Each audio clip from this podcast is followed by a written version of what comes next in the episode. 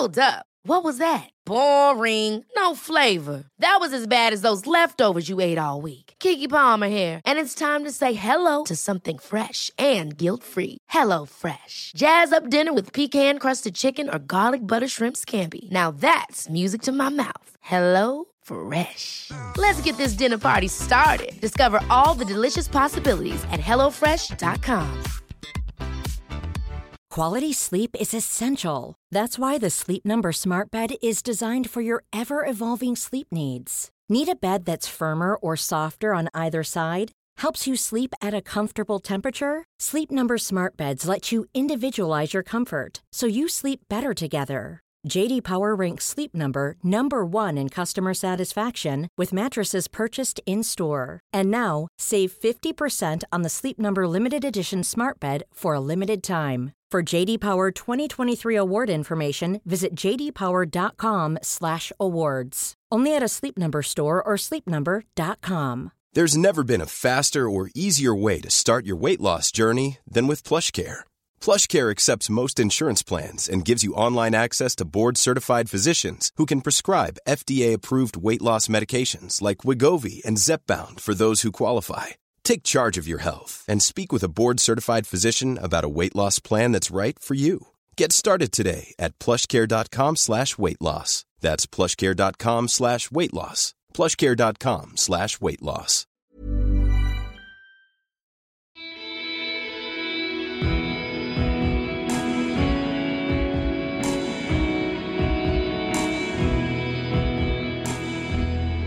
Velkommen til Kaptare-podkast episode 63. Mitt navn er Marius Hauge. Jeg er din vert i denne podkasten som går i bane rundt livet med løping.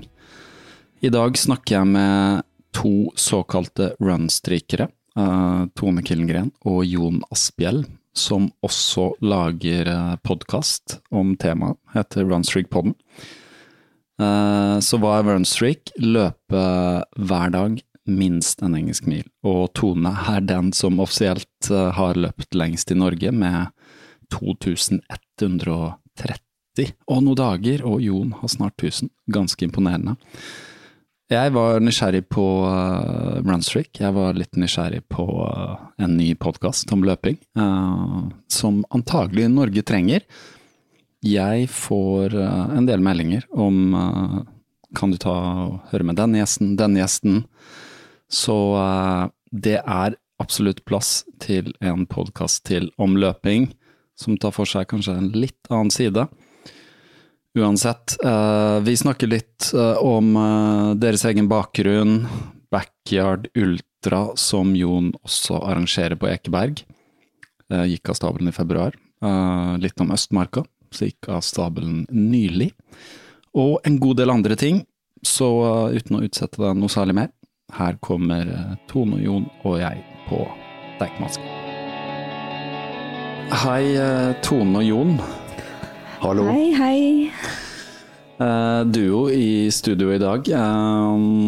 Litt sånn metavirkelighet, for at dere lager podkasten Runstreak. Mm -hmm. Runstreak-podden. Mm. Runstreak-podden. Mm. Og spiller også til vanlig inn her. Ja. så nå føler dere kanskje at det er dere som lager podkast, men det er det jo ikke. Fordi dere er noen gjester. Noe du sa når du kom inn, Jon, at uh, du var glad du var gjest. Det er veldig deilig å bare sitte her og være gjest. Ja, ikke sant. Prøve noe nytt. Mm. så, så, nei, en av grunnene til jeg ville snakke med dere, er at det, jeg syns det er veldig gøy at det er uh, noen som lager løpepodkast. Ja. Det finnes jo ikke så mange i Norge, egentlig. Nei, det gjør faktisk ikke det. Så jeg har gått og tenkt på i egentlig flere år, hvorfor er det ikke flere løpepodkaster? Mm. Har dere tenkt det samme? Tone? Det var vel kanskje litt det vi tenkte, eller kanskje du tenkte, Jon. For du som kom med forslaget om Runstrug-poden. Ja. Litt sånn ut av det blå. Ja. Og da brukte jeg tre sekunder på å si ja. ja. Men da kan, vi ta, da kan, vi jo ta, den historien, da. Hvordan eh, startet denne podkasten? Ja, det var altså Jeg er jo glad i runstreak. Ble mer og mer eh, liksom besatt av temaet runstreak, som vi skal snakke om her også. Eh, og så finnes det jo en, en podkast i Sverige som heter Runstreak Sverige. Mm. Så tenkte jeg vi må ha en i Norge også. Mm. Så, og Tone er jo liksom litt dronninga av eh, norsk runstreak. Runstreak Norge. Så da var vi liksom i gang. Vi bare satte i gang, vi. Eller jeg, jeg får jo mye sånne ideer. Jeg er litt sånn ustrukturert person, så jeg har masse ideer. Mens Tone er ganske strukturert, så hun bare ok, nei, men da setter vi i gang. Vi har en plan, vi har studio. vi kjøper mikrofon. Mm. Ja, vi hadde jo, jeg hadde jo et sånt møte først, da, for det er greit å vite om man har en kjemi som gjør at en samtale bærer, eller om en samtale bråstopper. Ja. Eh, men da vi fant ut vi skulle møtes på en kafé i en halvtimes tid, så tok vel det to timer før vi klarte å slutte å snakke. Og da var det sånn ok, nå må vi, nå må vi gå hjem. Ja. før vi begynner på et nytt tema. Um, så, så, da tenkte jeg at da er, det, da er, det, safe å gjøre det. Og så ble det rett og slett at vi måtte liksom prøve, ja, kjøpe mikrofoner, for da var jo fortsatt alt stengt. Uh, jeg hadde liksom en sånn følelse av mene å huske at Deichman hadde lydstudio. Uh, og, men vi liksom klarte ikke å finne noe, noe sted om det. Uh, så da ble det til at vi kjøpte mikrofoner, og hadde vel første podkasten på kjøkkenet hjemme hos meg. Ja. Og så, da vi begynte å nærme oss episode to, så begynte det å åpne opp på Deichman. Og da, kom, da sendte jeg en forespørsel om de faktisk hadde lydstudio, og da bare ja, jeg sender deg lenken så fort vi åpner. Mm. Og da, så siden da så har vi vært her.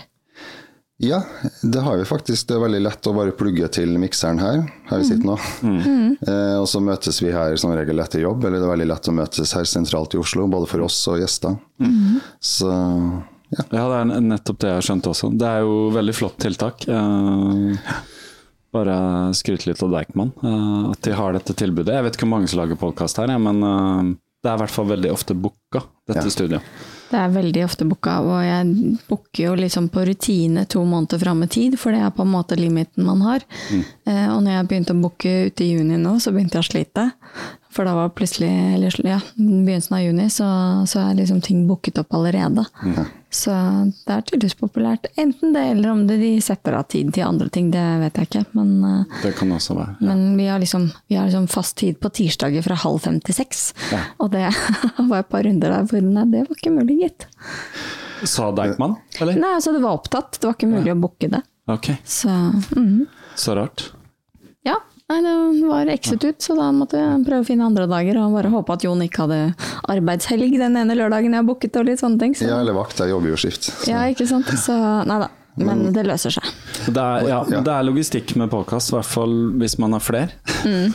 ja. Og i hvert fall hvis man skal ha gjester som uh, det må klaffe. ikke sant? Så Hvis dere booker mm. opp foran, så må gjesten kunne den tiden osv. Mm. Yes. Noe jeg har erfart ganske mye. Ja. Fordelen vår er at vi er to, da, så vi kan jo skravle, ha en skravleepisode. Ja. Du kjører vel, Jeg vet ikke om du har noen solopodkast, men du har jo på en måte gjester hver gang. Så, mm. så, det kan jo også være en challenge for deg. Ja, det er det. Det er derfor jeg ikke kommer ut uh, så ofte nå, men ja. uh, annenhver uke. Så, mm. Og vært litt ujevnt gjennom uh, korona.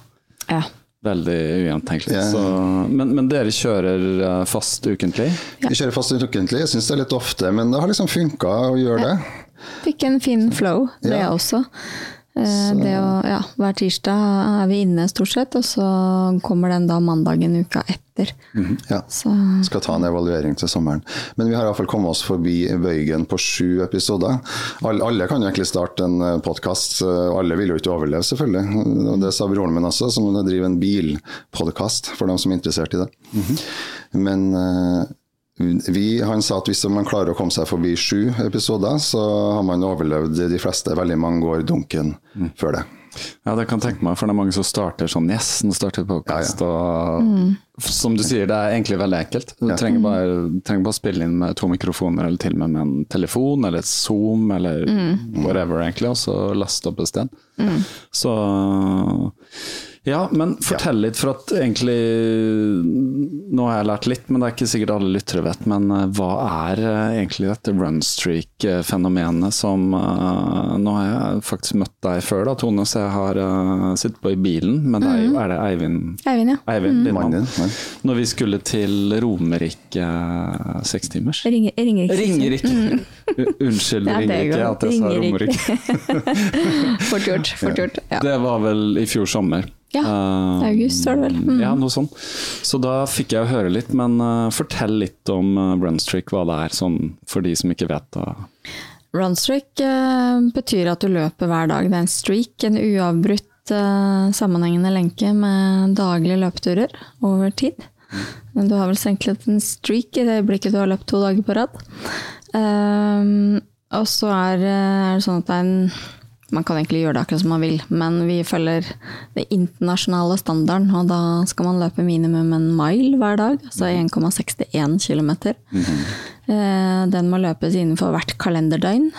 Um, og er det brudd i rekka, så er det brudd i streaken. Um, og det gjør at man I begynnelsen så er det veldig spennende. Det derre å løpe hver dag. Det høres så veldig sånn nesten litt sånn skummelt ut, liksom. Hvor høyt har jeg gapt egentlig? Mm. Og så vet man at ja, ja, 1,61 km er jo ikke så veldig langt. Eh, men det er plutselig noe med det der altså Det kødder det til litt i hodet ditt når du skal ut hver eneste dag, og så får du litt sånn Har jeg husket å løpe i dag? Var det eller gjorde jeg det i går? Um, og, så, og, så, kommer livet. Uh, du skal passe det inn mellom foreldremøter og barns treninger, din egen jobb, du skal på jobbseminar, plutselig så er det bryllup en helg. Uh, altså, det, liksom, det, skjer noe hele tiden. 17. mai, altså mm. litt sånne ting. Julaften. Ja. Nyttårsaften. Første nyttårsdag.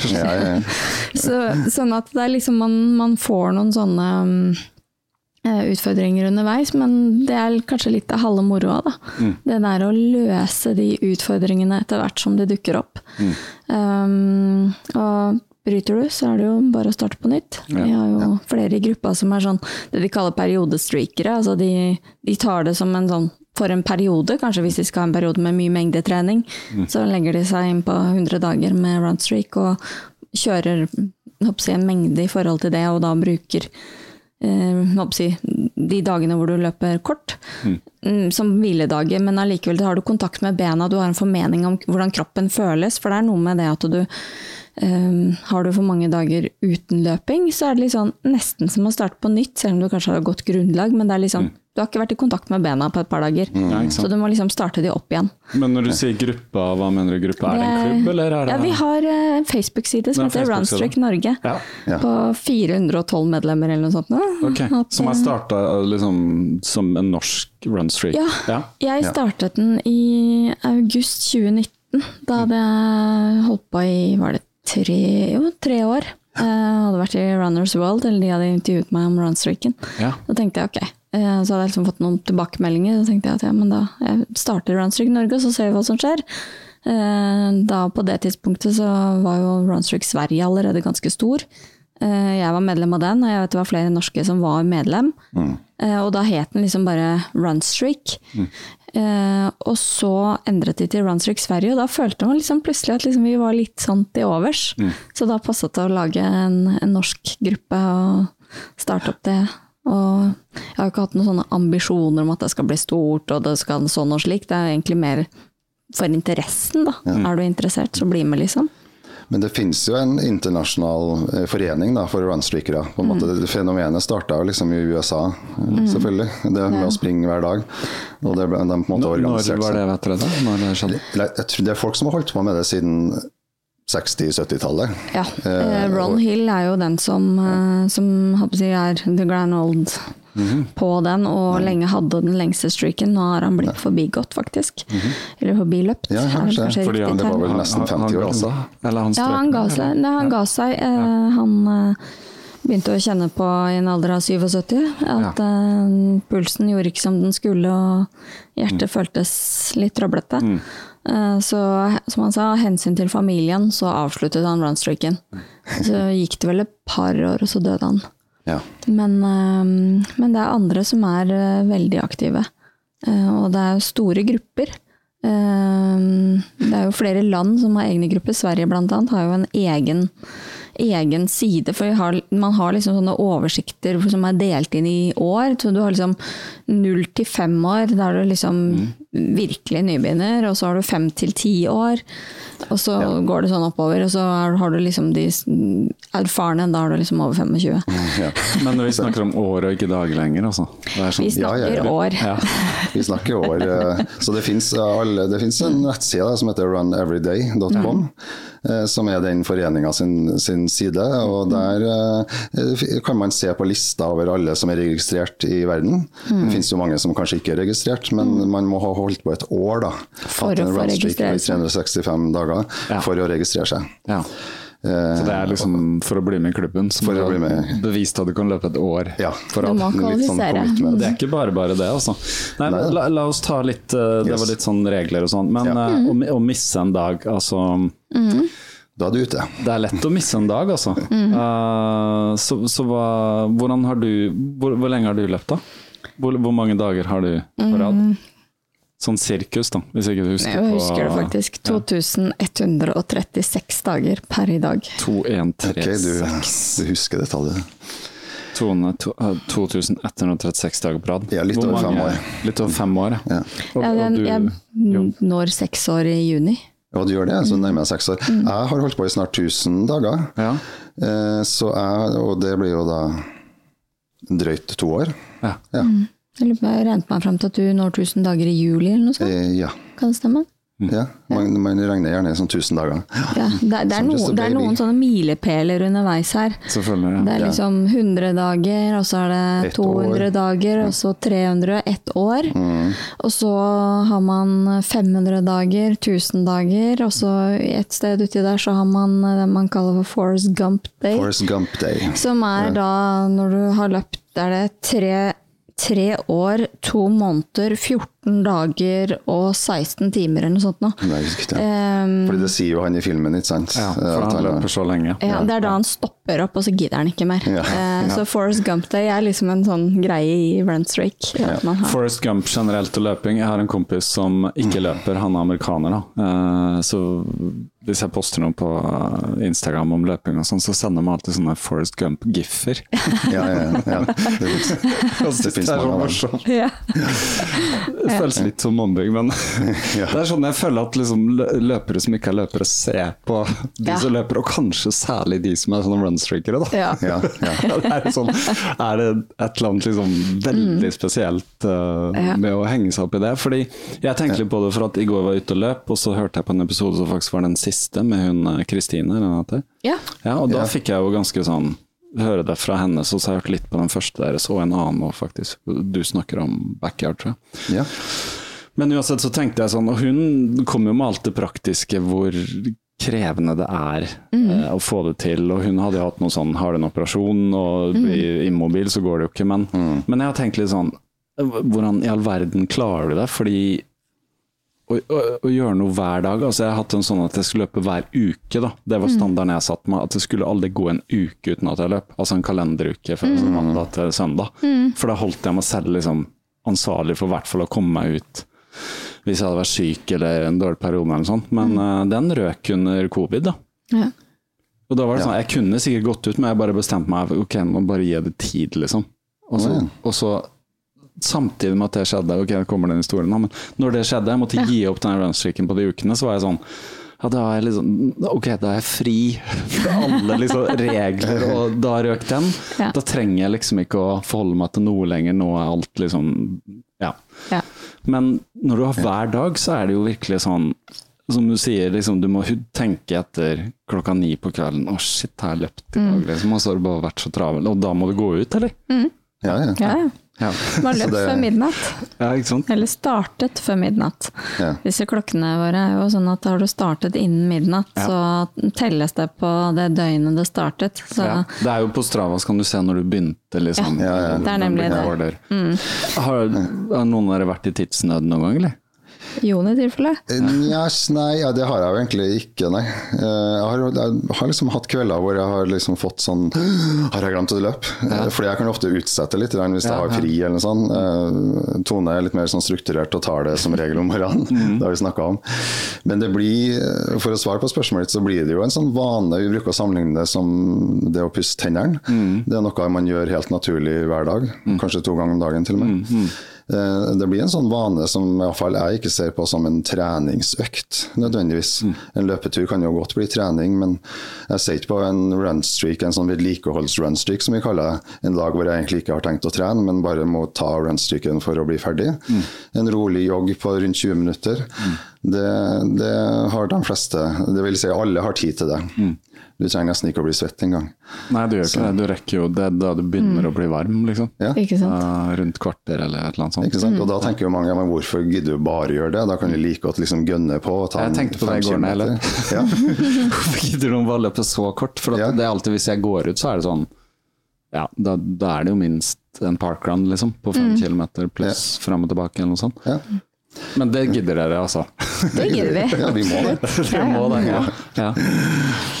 Ja, men noen ganger så er det veldig deilig. Altså, det er noe med at ja, du kommer ut, du får uh, 20 minutter egentid. Um, veldig ofte hvis man har, må løpe lite, og så har man kanskje litt hektisk dag, og da er det faktisk veldig godt å få den der lille pausen du vet. Og så er det, du behøver ikke ta den diskusjonen om du skal. Nei. Det er når. Så det man gjør er å finne når er, hvor er den lommen som jeg kan bruke til å gjøre dette.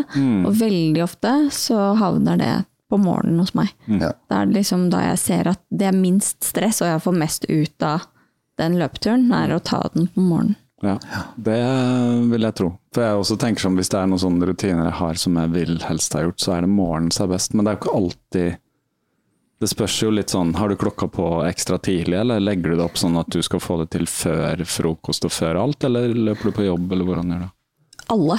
Alle, alle, Alle de. Ja, ja. Det skjønner jeg. Hvis du har sånn 2136 dager, så er det mange alternativer. Mange ja. Ja. Det er mye starte på nytt. Resette, sove, våkne. Det, jeg prøver å ikke gjøre det til en sånn tvangshandling at jeg liksom må huske det. Da. Så Derfor så prøver jeg liksom å være litt chill, litt sånn kul med det. Også. Og, og tenke at jeg kan jo bare altså 20 minutter, det, det får jeg tid til. Liksom. Hvis klokka er åtte om kvelden, så, så tar jeg det da. Har du barn, forresten? Jeg har ikke barn. Nei. Det spørre. livet for med er- mann Mye og, lettere. mann og bikkje. Og, ja, det, det gjør nok, det skjønner Ja, ja, ja. jeg. Så hvis man har barn, så må man jo selvfølgelig strukturere det. Ja, ja. Strukturere det. Ta Man barnet på armen. Barnevogn, det er jo run, run Det er sant. jogger. det er sant. Ja. Ja. ja, det er faktisk sant. Det ser mange som løper med barnevogn. Ja, ellers så har man jo tredemølle, og det finnes jo også videoer med folk som, som tar runstreaken i stua, liksom, fram og Ja. tilbake. Ja, for det vil jeg spørre om. Er det krav til at man logger det som en GPS-fil og kan laste opp på sånne ting som en FKT eller noe sånt? Nei. Det er, Ta eh, ditt ord på det. Det er tillitsbasert. Ja, greit. Ja. Jeg har jo hatt Fordi da, eh, da kjenner jeg blir litt sånn djevelens advokat og lurer på litt sånn Hvor nærme har du vært liksom å ikke få det til? Hvor, hvor liksom, med helt sånn ærlig nå Den verste sånn, Ja, hånda opp. Ja, ja, Eh, Jeg har tatt runstreaken på yogamatte. ja.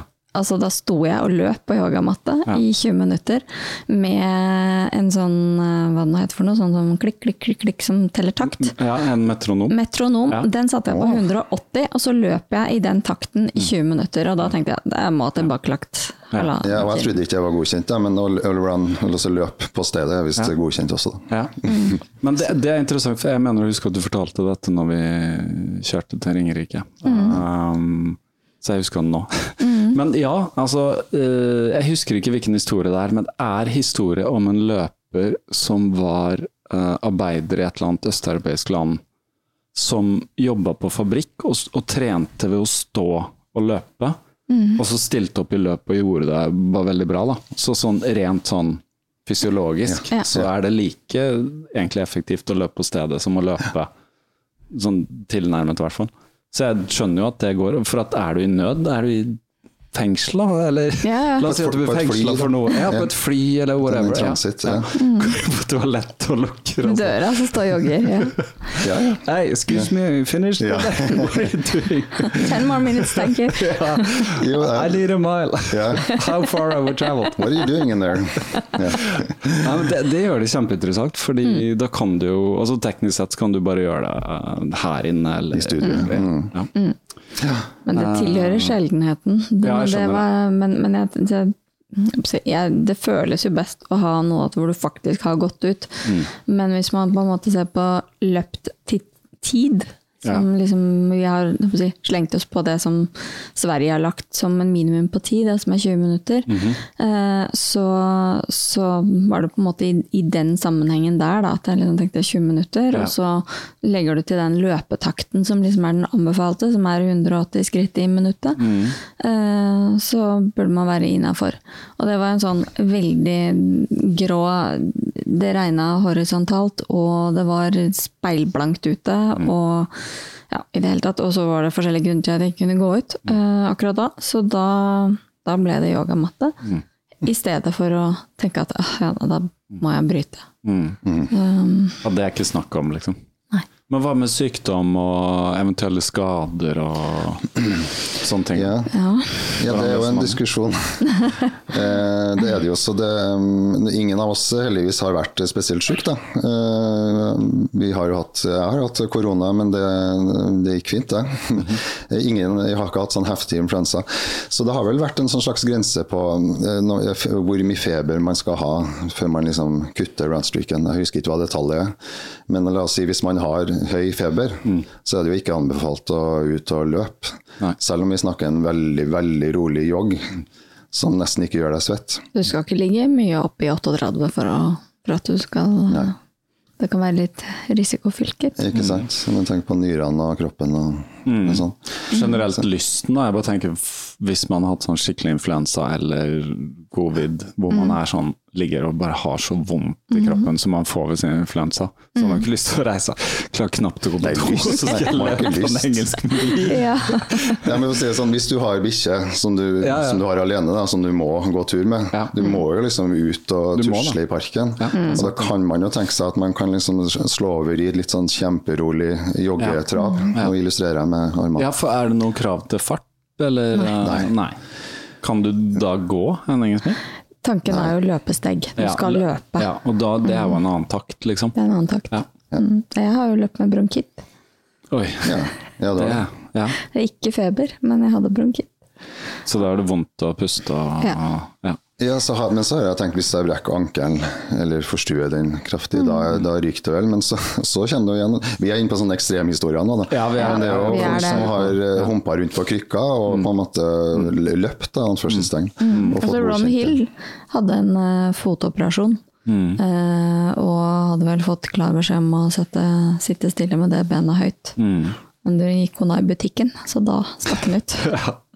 Men da er du litt besatt, for jeg har skrevet det her besatt. Litt skrevet det Ja, altså, Ja. men det er litt sånn For andre så ser det vel ut som vi er besatt, men i vår verden så er vi bare dedikert. Ja, ja, ja. Ja. ja, ja. For oss det, er ja, det er jo perspektivet som avgjør eh, på en måte om man er dedikert eller besatt. Nei, altså, vi- Hvis min runstreak ryker, og det er jeg sånn mentalt forberedt på at den Mm. kan gjøre, for at jeg, jeg, tror, jeg tror ikke jeg gidder å humpe rundt på krykka, krykka, men da er det bare å starte på en ny streak, og det er det mange Ja. som gjør. Streak nummer to, dag 100, liksom. Ja. For jeg tenker sånn, Hvis du ser, liksom, la oss si du tar en tidsperiode på De siste fem åra, så jeg liksom misset fire dager med løping, liksom. Bare det er jo helt vanvittig. Ja, Ikke Altså, jeg misser jo misser da, eh, 100 dager i år med løping, fordi jeg løper ikke hver dag, liksom. Jeg løper fem dager i uka eller noe. Men eh, jeg syns jo det er sinnssykt bra. Og Ja. folk som ikke ja, er løper, syns Det jo er det er helt sånn Her løper du fem dager i uka! Det er jo Ja. bare Ja, men det tar jo ikke så mye tid, liksom. Da bruker du kanskje fem timer. Mm. Og så har du hundrevis av timer, holdt opp seg i uka. Mm. Så det er jo ikke noe sånn Og 20 minutter om dagen, som du sier, det klarer man jo. Det klarer man. Man Og sånn jeg hørte på en Kristine, så hadde hun veldig mye fine refleksjoner rundt, og hadde egentlig ja, liksom opplevd det som en veldig bra ting, da, sånn uh, psykisk også. At, sånn som du sier, at du liksom du kommer deg ut, du får en sånn pause. Mm. Mm. Hun hadde en morsom historie, snakka om at hun begynte å løpe med mannen, Ja. men da ble det gnisninger, for de var for mye sammen. Ja. Ja, jeg måtte løpe litt hver for seg. Ja, måtte Ja. liksom ta sin hver sin rute og sånn. Og det skjønner jeg godt, for det uh, alenetiden Mange sier jo liksom løping er min meditasjon og sånn. Det er jo en slags meditasjon, i hvert fall hva sånn mentalt angår, at man kan liksom la bare tanker flyte. Og noen ganger så løper man jo uten å huske at man har løpt, liksom. Ja. Altså, du løper, og så plutselig er det sånn Å ja, nå tenkte jeg på noe annet, så nå har jeg bare forflytta meg Og Løper ja. over veien. Wow, og står det fire på- klokka? Ja, ja. Ikke at man helt sånn glemmer det, men du kan liksom bare space ut. Da. Så, og det er sunt. uh, For det som slo meg veldig når hun Kristine snakka om de 20 minuttene og sånn, at det var alt det der kunne jeg overføre også til noe som jeg har begynt med nå, som er meditasjon. da. Transcendental meditasjon, som også har en sånn 20 minutter eh, to ganger om dagen, helst da. Men hvis du misser én, så greit, liksom, men anbefaler to, to ganger. Så alt det hun sa av sånne fordeler og sånn, det kunne jeg overføre rett til meditasjon. Bare at da slipper du å gå ut, du bare sånn setter deg ned og lukker øynene, og så ja, ja. begynner isteden. Så og det er sånn jeg har begynt med, og holdt på siden 31. januar, men jeg missa to eller tre dager, tror jeg. Men det er bare fordi jeg bare glemte det. Jeg bare satt eh, ved middagen med et eh, glass vin, og så bare sånn Oi. Jeg har ikke meditert i dag. Og da har jeg drukket et glass vin, ja. Og da var det ikke. Nei, altså jo, jeg kunne gjort det, men det er sånn tullete, da, for det sier han læreren at liksom etter Ja, det, du, er- altså Du er jo ikke det samme stedet etter å ha drukket Nei, nei, vin, så poenget er at du skal liksom prøve å Ja. la tankene flyte, og det er ikke så lett når du drukker. Så da var det bare sånn Å, jeg glemte det, greit, liksom. Trengte ikke ha en streak, men jeg ser at jeg klarte Og jeg klarte 30 av 31 dager, så tenkte jeg at det var veldig bra, men uh, Ja, Ja, jeg har jo en streak der òg, jeg. ja vi, elsker, vi elsker Ja. andre streaks også, Ja, ja, ja. selv om jeg har, følger egentlig ingen andre slaviske, men vi har snakka om det i podkasten. Det Gitarstreak, uh, meditasjonsstreak, Ja. eh, dagbokstreak, Lesestreak. lesestreak, ja. Mm. badestreak. For dette kan jo overføres, ikke sant. Det handler litt om prinsippet, da. At man lager seg noen vaner og sånn. Og så- Så, så spise, spise frokost-streak, sove-streak, Ja, ja, ja. Så ja, ja. se på TV-streak, eller se på Netflix. Ja. Eller ja, sexestreak, som vi også snakka om forrige gang. Ja. Ja, ja. It's, it's a thing. Det fins. ja, det tviler jeg ikke på. Men, men, men det er jo nettopp det at det, um, vi er jo forskjellige som mennesker, og for enkelte av oss er det enkelte ting som er, en, det er enklere å bare gjøre hver dag. Enn å kanskje la være. Eh, sånn at det å få den gjennomført, det er bare å gjøre det hver dag. Eh, akkurat som andre lar være å gjøre ting, fordi at det er lettere å la være å spise sjokolade enn det er å ta diskusjonen med seg selv.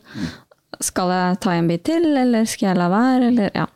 Det er liksom de samme mekanismene på mange måter som, som slår inn når man er om man på en måte er avholds- eller moderator, som de kaller det. Altså, enten så er det liksom lett for deg å bare fortsette å gjøre den tingen du gjør, eller la være å gjøre den tingen du gjør. Når det blir en bane. Ja, Ja. rett og slett. Um, og for meg så er det veldig mange sånne ting. De tingene jeg gjerne vil ha, og gjerne vil kanskje implementere i min hverdag, det blir som regel en streak uten at jeg nødvendigvis snakker så høyt om det. Men det er ting jeg liksom har en regel på som jeg gjør for å holde, opprettholde kontinuiteten i det. Fordi at det er viktig for meg, men det at det er en streak, det er noe Den får en sånn um, den, den ansvarliggjør seg selv, da, og den gjør liksom at den har livets rett fordi at jeg har gjort det så mange dager på rad. Um, og da blir du ansvarliggjort i forhold til det du driver med hele tiden, i stedet for at du trenger noen andre som sier 'har du husket', 'har du gjort'? Eh, Har du tatt medisinen din i dag? nemlig. Ja, har du, men uh, din mann da, er han også runstreaker? Eller? Han er det. Ja. Han ble det under korona. Ja, ble det. Så, så da har det litt sånn, kaller hverandre litt sånn ansvarlig? Skal vi Ja. gjøre det nå, eller skal vi gjøre det hver for oss, eller nå har du gjort det, så nå gjør jeg det, eller ja. Mens han er på trening, eller ja. Så vi har jo, har jo hatt sånn Har noen dag, hatt noen dager nå eller når vi har begynt å jobbe igjen, hvor eh, vi kjører sammen om morgenen. Og så slipper han av meg på Hjortnes, og så løper jeg fra Hjortnes og inn til sentrum igjen. Ok. Eh, Stort sett ja, via noen omveier. Det er vel ikke det er en drøy kilometer inn hvis jeg løpt direkte. Ja, Men jeg så legger, liksom, noen- jeg legger, legger til litt her og der. Ja, ja. Ehm, mens han da kjører ut på jobb på Lysaker, og så løper han gjerne kyststien og utover Fornebu. Og, så, så da har vi liksom morgenkaffen i bilen på vei til Hjortnes, og så løper vi hver for oss etterpå. Helgene Så man, man finner metoder for å bare gjøre det enkelt. Ja, Mm. for tiden i seg selv er jo veldig liten. Det er det jeg merker også med den meditasjonen, at det er ikke så mye med 20 minutter, men du må liksom få til å klaffe mellom en del ting. Da. Ofte Mm. sånn. Ja, og det skal være, skal være sammenhengende 20 minutter også. Du kan ikke dele opp i mindre. Nei, jo, altså du kan gjøre akkurat hva du vil, egentlig. Så jeg har noen ganger bare tatt ti minutter, for jeg har bare ti minutter, så jeg har bare satt den sånn. er på din, ja, men jeg sier på runstreak, kan ikke dele opp. Nei, det, nei, ikke sant. Men det er jo interessant. Ja. Kan du løpe en halv mile og så ta en halv mile senere, eller må det være i ett? I ett. Det må være ett, ja. Og det er jo greit. Hvis jeg ikke skal jeg løpe 200 meter nå, og så løper 200 meter Ja, det blir for oppstykka, liksom. 8-200 meter. 8 200 meter. ja. Ja, ja. Nei, det skjønner jeg. Visse regler må man ha, liksom. Ja. Men er, jeg skjønner at det er litt sånn Er det litt sånn voksne fenomen med Facebook-gruppa, og at uh, folk blir liksom tiltrukket av det, eller?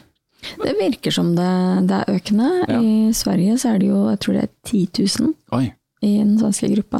søte Det- bror, altså. De får det til. De får Ja, det til. det Det og backyard er liksom stort. Backyard ultra. Ja. Eh, Så vi er litt sånn eh, lillesøster som Men bare vent, vi, vi, kommer jo gjerne seint med godt, liksom. Sånn. Ja, Det er noe med det. Det er svenskene den største gruppa utenom amerikanere på den, i den, på den nettsida med runstreakers. Så der er det kjempestort i Sverige. Så har dere, kjenner dere noen som uh, Ja. som holder på, eller? Det er jo deres skyld at jeg løper runstreak. Ja, hvem var det som fikk deg til å Jeg kjenner eh, Ellen Westfeldt fra Pace on Earth. Mm, Podcasten. Og kjenner ja, hun som også har podkasten. Pace on Earth? Ja. Ja, det er en svensk ultrapodkast Ja. med et uh, ultraløperpar, er- Jonny og Ellen. Jonny Ellen. Um, de har jo også um, firmaet sitt som heter Pace on Earth. Uh, og via det så startet de også Runstrick Sverige. Um, og jeg har vært på flere løpereiser med Ellen og Jonny. For jeg traff dem første gang i 2013. Um, ble egentlig oppmerksom på dem via Instagram. Og så skulle de inn og se, fordi de hadde noen som løp på Bislett 24. Og så hadde vi hatt litt sånn kontakt i forkant der, og så hadde jeg løpt ultraintervaller, det hadde jeg aldri prøvd før. Det er da ti kilometer hver tredje time gjennom et døgn, så da løper du åtte kilometer hvis du gjennomfører. 80? Ja. 80. Ja, ja. Eh, og før jeg testet det, så hadde jeg stort sett løpt ti kilometer, og kjente at jo, jeg kunne jo løpe ti kilometer til. Um, og hadde jo liksom akkurat signet meg opp for halvmaraton i 2014 og tenkte at wow, det blir stort. Og innen vi var kommet til november, så hadde jeg løpt 80 km på et døgn, og da, det sprengte jo alle grenser, på en måte. Men da traff jeg de på Bislett. Eh, og da i mai 2014 så var jeg med de på løpereise til Spania, til Denia, som ligger eh, syd for Valencia og nord for Alicante. Så de driver et sånt firma som holder på med liksom. Ja, det, Ja. Livet deres er liksom løping. Og hun har jo den lengste runstreaken i Skandinavia. Hun har holdt på i over åtte år, eller noe sånt. Ja, det stemmer. Så hun var veldig tidlig ut. Hun begynte i 2013. Ja, og hun har framsnakka runstreak som, mm. som en greie å sprette i Skandinavia, iallfall. Og vi var jo godt i gang da, da vi var i Spania i 2014. Eh, og og da, da skjønte vi at det var et eller annet som foregikk. Jeg var på tur med søsteren min, og vi, for oss så var det liksom stort bare det å være der. Og liksom, kravet var at du kunne løpe eh, to timer eller mer på tur, og gjerne også ha løpt over en halvmaraton. Så vi på en måte tok eh, løpeultraintervaller sammen også. Hun også hadde gjennomført disse 80, og tenkte at ja, men dette blir bra. Eh, og så når vi da begynner, så oppdager vi at det er jo ikke bare denne ene løpeturen som vi skal ha hver dag, som varierer litt fra noe kort, noe langt. Nei, da, folk var ute og løp før vi løp løpetur, og så kom vi hjem, og så løp de søren meg ut på kvelden også. Eh, sånn at det var jo Det var liksom sånn Man hadde ulike mål med denne turen, helt klart. Og, og vi løper jo De har ett fjell i Denia som heter um, Montgou. Mm. Eh, Den kalles også for den sovende elefanten. For når du ser det fra siden, så ser det ut som en elefant som ligger og sover. Eh, og der var vi opp og ned og fram og tilbake over det fjellet. Og der har de sånne pilegrimspunkter med det står sånne kors. De fleste katolske land har jo en topp med et kors på, som man går pilegrimsferd til eh, på gitte dager i året. Uh, og vi drev og løp opp og ned der da, med mm, camelbacks og i det hele tatt, og midt men, mellom alle disse pilegrimene som gikk, med rosenkranser og det hele. Og vi hadde den lange dagen, så løp vi nærmere en maraton. Da i fjellene, når vi da kommer ned til sentrum, så er vi jo så høye. Så høye som hus, altså virkelig. Det er runners high all over. Og kommer løpende opp gjennom hovedgata, som da er stengt. Altså den er for biler, da, så vi har jo Og vi kommer og er høye som hus og jubler og holder på, og, og folk liksom begynner, begynner å reise seg, så begynner de å klappe. Og vi bare kjørte på, for dette da får du jo så rush. Ja, visst, visst. Og så hørte vi da hun ene som eh, også var med oss, som er svensk-meksikaner, sa til oss etterpå de trodde at vi løp med oksygen. Og det var fordi vi løp med disse backpackene med, med camelback og hadde disse munnstykkene i munnen fordi vi drakk mens vi løp. Og de bare Ja, de trodde vi hadde med oss oksygen. Så, så litt space out, bokstavelig talt. Skikkelig Jeg har aldri, aldri sett en løpesekk. Nei, Yes. så, så det var skikkelig møte med Runners High også, i sånn felles gruppe. Det var, ja, det tok jo Sov jo nesten ikke på den uka vi var på tur, for dette, det, kroppen var i sånn fight or flight konstant, så det lå en halv meter over senga og sov. Hvor lenge, hvor lenge var det der? Vi hadde vel, var det fem dager hvor vi var på tur. Ganske intenst. Ja, veldig intenst. Ja. Det var sånn, jeg sove når jeg kom hjem. Hvordan begynte løpingen for deg, Jon? Sånn, Ja, eh, jeg hadde et par forsøk på Du mener løpinga eller Ja, runstreaking sånn- generelt? egentlig generelt. Runstreaking for to år siden, ja. Ja. Eh, Det vil jeg egentlig bare si eh, For meg som er litt sånn ustrukturert person, så var det en veldig sånn eh, befrielse å Mm. begynne med runstreak, fordi eh, får, man får litt sånn prestasjonsangst når man ser andre løpere, og ultraløpere spesielt, da, som løper kilometervis. Og jeg har vært sånn, alltid vært litt dårlig på å strukturere meg rundt et spesielt løpeprogram. Så når jeg liksom skjønte hva runstreak var, så, så føltes det veldig sånn frigjørende på en måte at eh, da har jeg liksom den ene løpeturen hver dag, og, og, og den må jeg liksom ta. Mm. Veldig mange venner sånn som jeg har Det, det passer jo aldri med en, med en løpetur, nødvendigvis. Altså, det kan være en dag i uka det passer kjempebra. Veldig mange andre dager så er det et prosjekt å liksom skvise det inn, veldig lett å utsette. Plutselig har det gått tre-fire dager før du eh, Og så har du ikke fått løpt. Men med runstreak så er det liksom bankers. udiskutabelt. Ja. Ja. Så hvordan hadde løpet, hvordan starta hele løpet Ja, deg som løper, da? Jeg er 46 år, så jeg starta vel egentlig første løp når jeg var 38 år. Ja, ja. litt sånn late uh, bloomer. Ja, litt sånn som meg, da. Ja. Rett før jeg ble 40. Ja. Ja, ja det, sånn, det kommer jo gjerne i forbindelse med en 40-årskrise. Eh, så jeg var ikke usunn akkurat før det. Det er ikke en sånn, sånn type story, skulle jeg si. Men, eh, men det var en vanlig fyr som eh, snusa, og jeg var glad i å gå tur, da. Jeg har jo hund. Eh, og så starta jeg å løpe i forbindelse med en eksamensperiode som var veldig intens. Jeg måtte liksom få ut litt sånn overflødig energi. Og så tok det liksom litt av derfra. For du har jo, så vidt jeg har forstått, så har du blitt sånn ultra Du har jo også løpt noe ultratoner, det kan vi ta, men du har blitt uh, litt sånn besatt av ultra? Ultrabesatt, ja, ja.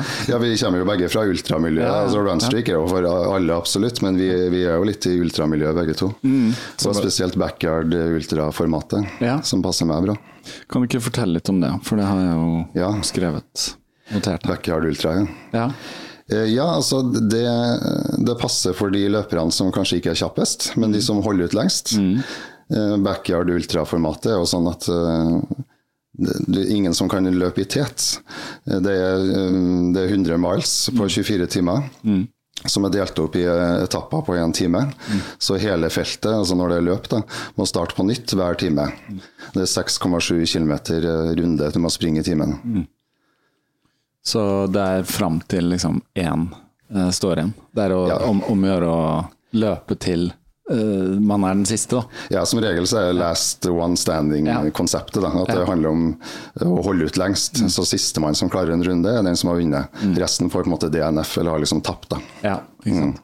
Jeg tror det er uh, Jeg har blitt kjent med det fenomenet. Jeg syns det er uh, fascinerende å ha vært med på et sånn backyard som en jeg kjenner arrangerte. Ikke, det var ikke noe sånn offisielt, men jeg fikk fikk ja, ja. prøve meg på dette. Ja. Ja, så det, det var kjempegøy. Hvor lenge holdt du ut? Nei, jeg holdt ut uh, Jeg tror jeg løp seks, uh, eller noe sånt. Ja. Det var ikke mer enn det, altså. Dette var litt sånn forbindelse med Jeg husker jeg løp det rett før jeg skulle løpe uh, Skåbu fjellmaraton, så jeg tok det som en sånn treningstur. Ja. Eh, men da ble det 40, eller jeg husker ikke, 6 ganger 6,7. Det ble noe sånn ja, ikke sant. 40, 40, komma et eller annet, eller noe sånt. Så det var en god treningstur. Men da var det sånn jeg måtte, måtte også gi meg, for jeg fikk så vondt i en muskel av det. Et eller annet Ja. skjedde, jeg bare halta rulletten. Så, og da var det én til som løp én runde til, og ble den som vant, da. Ja, vant ja. Så det var ikke noe langt. Nei, det var Så- ikke, men 6,7 km i timen er jo ganske rolig jogg. Det er en veldig rolig jogg, egentlig. Det er en veldig rolig jogg, Ja. så jeg brukte vel eh, Man bruker sånn 40-45 minutter eller noe sånt. Ja. eh, på, på, og så du får jo litt tid til pause. Men, men nå har jo det utvikla seg voldsomt i Norge, så, jeg ser jo at du har jo laget en egen backyard på Ekeberg, sant? Ja. Som var nå I vinter. i vinter? Ja. I mars, eller når var det? Eh, Det var i februar. Det var i februar, faktisk. Ja, Så det var 12. februar, midt på svarteste vinteren Good. på Ekeberg. Ja. Ja, det er også mange løp i sommerhalvåret i Norge, så jeg tenkte jeg får bare skvist inn uh, helt off-season, sånn at folk stiller opp. Men det var en del som stilte deg, ikke sant? Ja, det var en 30 stykker nesten, Ja. så det syns jeg var veldig bra. Og det var jo blankis. Ja. Så konseptet kommer jo fra USA der, og det også, da, selvfølgelig. Det var en Lazarus Lake eh, Ja. som st- står bak den Barkley Marathons, liksom verdens hardeste eh, ultraløp, Ja. som hadde ideen for mange mange år siden, og som lanserte da, at man skulle springe sånne etapper, og at det skulle være last man standing. For han ville ha et løp, var det ikke det, på der han bodde, eller liksom i, i Ja, fordi det er ganske lett å organisere det. Du, Ja. du trenger jo på en måte bare en runde på 6,7 km Mm. in, in your backyard, på en måte. Ja, ja, ja. Men så er det blitt, så vidt jeg har skjønt, liksom, han starta det offisielle, og så er det blitt sånn at han har liksom et, et verdensmesterskap. Det er hans som er verdensmesterskapet. Ja. Og så er det mange sånne satellitter, eller hva jeg skal si, altså i andre land. Så er det noen kvalifiseringsmesterskap. Kan du ikke fortelle litt om det? det Jo da, det har spredt seg mer og mer. altså Bigs, Big Dogs Backyard, som er i Tennessee, på hans ranch, det er liksom hovedløpet. VM-et, om du vil. Det er jo ganske uoffisielt, det her, da. Eh, og så har det spredt seg til hele USA og mange plasser i verden. Og så kan du da vinne, eh, bli kvalifisert og få en golden ticket, eh, som det heter, til å være med i USA. For det må du ha for å i hele tatt Det må du kunne ha. stille. Ja. Ja. Ja. Så til å begynne med så var det noen golden ticket-løp da, rundt omkring i verden, og så har det blitt så mange løp etter hvert at nå, du, nå er det sånn silver ticket-løp. Eh, og så har de også bestemt seg for at det skal bare være VM i USA annethvert år. eh, og de andre årene så skal det være sånn satellitt-VM. Det oppsto under korona, det også.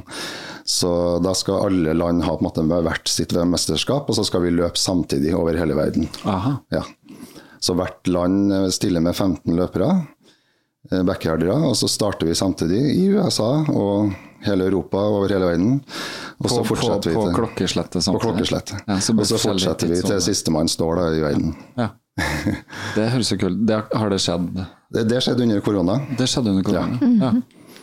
Eh, Da, da var det jo veldig mye sånn virtuelle løp. og Ja, sånt, ikke sant. Det måtte jo, ja. For han måtte vel utsette um, Ja, ingen fikk jo reist og- eh, Ja. Barkley ble jo eh, Ja. avlyst, og ingen fikk jo reist noen ting. Men da, oppstod, da kom ideen om en sånn satellitt-VM, og det fungerte så bra at en bestemte seg for å ta det annethvert år. da. Så kult. Så i Norge har vi tre løp som kvalifiserer til satellitt-VM. Det er jo mitt løp, Ekeberg backyard. backyard. Og så er det Østmarka backyard, som var nå i helga. Eh, og så er det Hell eh, backyard ultra oppe i Stjørdal. Ja. Så hvis noen vil starte sitt eget backyard og gjøre det til uh, et sånn satellitt, Ja, et sånn kvalifiseringsløp, på Ja. en måte. hva, hva er kriteriene, og hva må man gjøre? Det, det finnes noen regler som vi har snakka om nå, da. Det, så alle kan egentlig gjøre det. Mm. Du må ha en bane på 6,7 eller en løype på 6,7 km. Er det noe krav til den? Flat Eh, nei, det kan være høydemeter, den kan være helt flat. Ja. Eh, så må du måte ha et sted hvor løperne kan hvile imellom. Mm -hmm. og så er det noen regler med at alle skal starte samtidig. ikke sant? Du får ikke lov til å ha noe support underveis mens du er ute på runden, bare når du er liksom i basen. Eh, og så må, må det fortsette til sistemann er ferdig. Mhm. Eh, Det vil si, altså det kan være to stykker som fortsetter mm -hmm. kjempelenge, men eh, når nest siste gir seg, så skal den siste fullføre én runde, Ja. og da har han eller hun vunnet. Så hvis to stykk er helt kaputt samtidig, så er det ingen som vinner? Ja, det har skjedd. Det har skjedd? At to, de to siste ikke klarer runden fordi de er så sliten, Ja, ikke sant? og da er det ingen som vinner. Ja. Interessant, altså. Ja. Ja. Har du, du har vel løpt ditt eget, eller løpt dette noen ganger, eller? Ja, jeg kjører jo litt sånn, trening, sånn treningsbackyard da, på Ekeberg, som er i nærheten av der jeg bor. Mm. Eh, Så jeg har gjort, eh, gjort en del sånne backyardløp etter hvert. Mm. Både egne og deltatt på. Du da, Tone, har du prøvd backyard?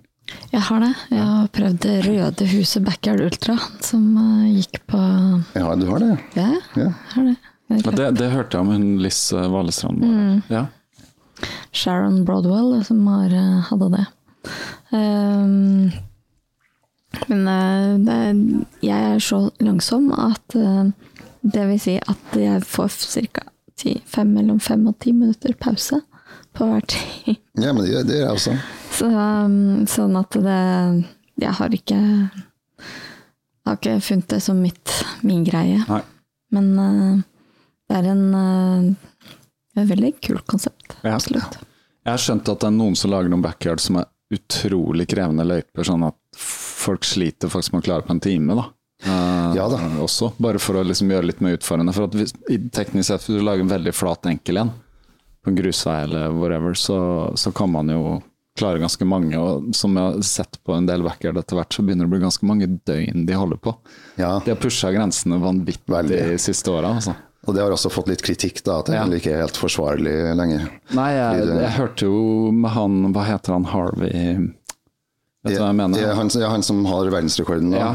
eh, Harvey um, Jeg husker ikke heller etternavnet, men det er en amerikansk eh, ultraløper som uh, har verdensrekorden på jeg tror det var 83 Ja. timer på sist. Helt. Jeg hørte et intervju med han, og det er jo jo Ja, du må liksom øve deg på å søve litt mellom Ja. runden. Da. Ja. At du legger deg ned og så tar en liten mikronapp. Ja, Så det har jeg øvd på. Ja. Sånn at man ikke blir helt tullerusk, for man begynner å hallusinere litt. Jeg hørte hun Courtney Courtney DeWalter. Du Walter tror. Ja. Hun hadde løpt det sånn, og så hadde hun sovna, og så liksom Når hun ble vekt, da, så ble hun kjempesinna, for jeg følte hun sovet liksom i en halvtime eller noe sånt. da. Eller lenge. Det skal ikke så mye til, skjønner du. Nei, for sant? men det, det hadde hun ikke. Hun hadde bare liksom duppa to minutter, da. Og Ja, så ja. følte hun som hun var liksom helt uh, restituert. nå. Ikke helt restituert, men følte hun sov ganske lenge. Så det er mange som sikkert får en sånn De klarer å sove og så våkne igjen. Det vet man jo selv hvis man legger seg på sofaen og bare så vidt dupper av, og så våkner igjen, så føler jeg restituert. Liksom. Ja, det gjør det. Får en sånn restart. Ja. Nappetizer. Ja. Ja. Na- Napetizer. Nappetizer. Ja, men det det fins andre, andre løp sånn i backyard-formatet som har f.eks. altfor mange høydemeter til å klare, Mm. klare det innen en time. Krukes backyard oppe i Trøndelag f.eks. Mhm. Eh, og, da, og da har de innført litt andre regler. Det, det går jo også an, da, men da vil ikke det være godkjent som en del av denne turneringa som vi snakka om med Biggs og, Mm. og sånn. Eh, så finnes det jo også den eh, i Norge, Backyard Norge som arrangerer sånn tolvtimers backyard, som er ferdig etter tolv timer. Ja. Hvor det også handler om å være, eh, gå litt på tid, da, om å komme først sammenlagt og vinne den siste runden, f.eks. Så når, når, når de som løper uh, Ekeberg, den som vant fikk da en silver ticket for å løpe et annet hovedløp, er det sånn? Ja, I oktober så skal det være et uh, satellitt-VM, Ja. eh, hvor alle land med backyard-turnering uh, stiller med et lag, 15 Mhm. løpere, og løper samtidig. Ja. Og hvor skjer det her i Norge? Du, Det er ikke helt uh, avslørt småhemmelig Ja, hvor det skal skje. Ja, ja. Men vi, vi som eh, på en måte er med å organisere det, driver og diskuterer litt forskjellige løsninger. Mm. Men eh, ja. Og så var det faktisk, ja, det var Østmarka Backyard i går, som er kanskje mest kjente. Det er det største, det og dem som har holdt på lengst. Ja. Leif Siden, Abrahamsen er den heter, han som Ja. har løpt Barkley og vært hos dere. ja, og Anita Kråkmo og samboeren som Ja, ja. Hva, jeg har ikke fått med meg hva som har skjedd der. Er det noen som har nyheter? Å, jeg har vært der hele helga, Ja, jeg kan fortelle. Ja, fortell. Nei, eh, ja, kort sagt så, så ble det et klassisk backyard-oppgjør Mm. med to uh, menn, da var det den gangen her. Det, det er jo også damer som, uh, som konkurrerer i toppen på mange av de Mm. løpene rundt omkring i verden. Det er det som er litt kult, at kjønnsforskjellene blir ganske utjevne. Mm. Men det var to menn, han tredjemann hoppa av etter 26 runder. Altså Husker du hvem det var? eller? Det var han Morten Fundingsrud fra min vår klubb, Romerike ultraløperklubb. Og da var det to eh, menn igjen. Harald Bjerke fra Romerike Romerike og Sverre eh, Svellingen, tror jeg, eh, fra Bergen. Eh, som da løp eh, fram til 34 runder. Da har du holdt på i halvannet døgn, så de var ganske svimmel og gående av søvnmangel og litt sånn næringsproblemer. Eh, og så hoppa han Sverre av på starten av runde 35, så da kunne han Harald Bjerke fullføre runde 35 og ble vinneren. Last one standing. Og det skjedde. Det skjedde. Så gøy, da. Ja. Ja, for Harald kjenner jeg. Han, eh, Harald Bjerke. Ja, han har vært på podkasten og Han har det, ja. Ja, vi Ja. hadde faktisk en prat nå også for ikke så lenge siden som bare har vært en patron. Ja, men da kan du ringe ham og Ja, gratulere. ja. Veldig Så gøy. Ja, han, det var gøy å høre. han Han fikk Ja. en silver ticket. Jeg, jeg må bare unnskylde mamma at jeg har vært alene med barn hele helgen. Jeg har, jeg har ikke fått gjort nesten noen ting. Jeg har fått løpt, men jeg har fått løpt og meditert litt. Ellers har det vært eh, barn og gått i ett sett. Ja, Så- men det var men det var gøy. At, uh, gøy for Harald. Gøy at uh, Ja, det var helt sykt å se dem. Ja, ja. eh, Og det var, jeg har vært med på det løpet her i, i fjor også. eh, Mm. Så det var, helt, det var deilig å være der og se, se på dem, men også litt sånn vondt i hjertet. For jeg vet hvor, Mm. hvor kjipt det er, spesielt å stå opp da, når du legger deg ned litt. Du har kanskje bare fem minutter. De fikk litt dårlig tid etter hvert Ja, ja. på å slappe av. Og du prøver liksom å få i deg litt mat, drikke, legge deg ned og hvile litt. Og så, og så ringer vi i bjella og bare 'nå må dere starte igjen'. Og det er så vondt å se da, når de sånn krøker seg opp og de er kalde. Og, ja. ja, nå var det heldigvis litt varmere nå, men jeg tenker på den ekebæren uh, du hadde ja, men det var kaldt i natt, natta ja, det i skogen. Der, to grader frost. Men uh, på Ekeberg så var vi inne i et sånt lokale, så det hjelper lite grann. Men det er gøy for for jeg vet at han sleit litt uh, med sånn Ja, han var jo med, sånn- kom på tredjeplass på Ekeberg. Ja. For han har prøvd å knekke den der næringskoden, finne ut Ja, men det funka for han nå. så- Ja, så gøy. Så gøy. Ja, men det var kjempegøy. Eh, men hva med andre løp, da? Hva er, hva er, har du noen favoritt? Du løper jo Ringerike seks timer. Eh, hva er liksom din, ditt favorittformat da? Av løp, Tone? Ja, Det er et godt spørsmål, siden jeg stadig snakker om at jeg ikke liker å løpe løp. jeg, eh, Jeg jeg hørte har- noen maraton, rykter om maraton nylig. Ja da. Ja. Jeg jeg er påmeldt i København, men jeg tror vel ikke det blir, eh, Maraton, ja. blir Mm. maraton. Når, når er det? Marathon. 15. mai. Det er snart, det. Ja. Du har jo tatt noen 24 timers. Jeg har tatt noen 24 timer, så hvis det liksom er format som jeg kanskje har følt meg komfortabel med, så er det ting som skjer på 24 timer. Um, både via ultraintervaller og også løpe 24 timers løp. Har du løpt på Bislett, eller? Jeg har løpt på Bislett tre Ja. ganger. Ja. Det er noe av det villeste jeg har sett på. Ja. Ja, stemmer Du var der du òg. Jeg har vært og sett på det. Uh, ja. Jeg har løpt her nå i- november. Ja, du, du løp i fjor? Ja. Ja. Så det var, men det var min første gang, da. Så det, det er et litt uvant format for meg.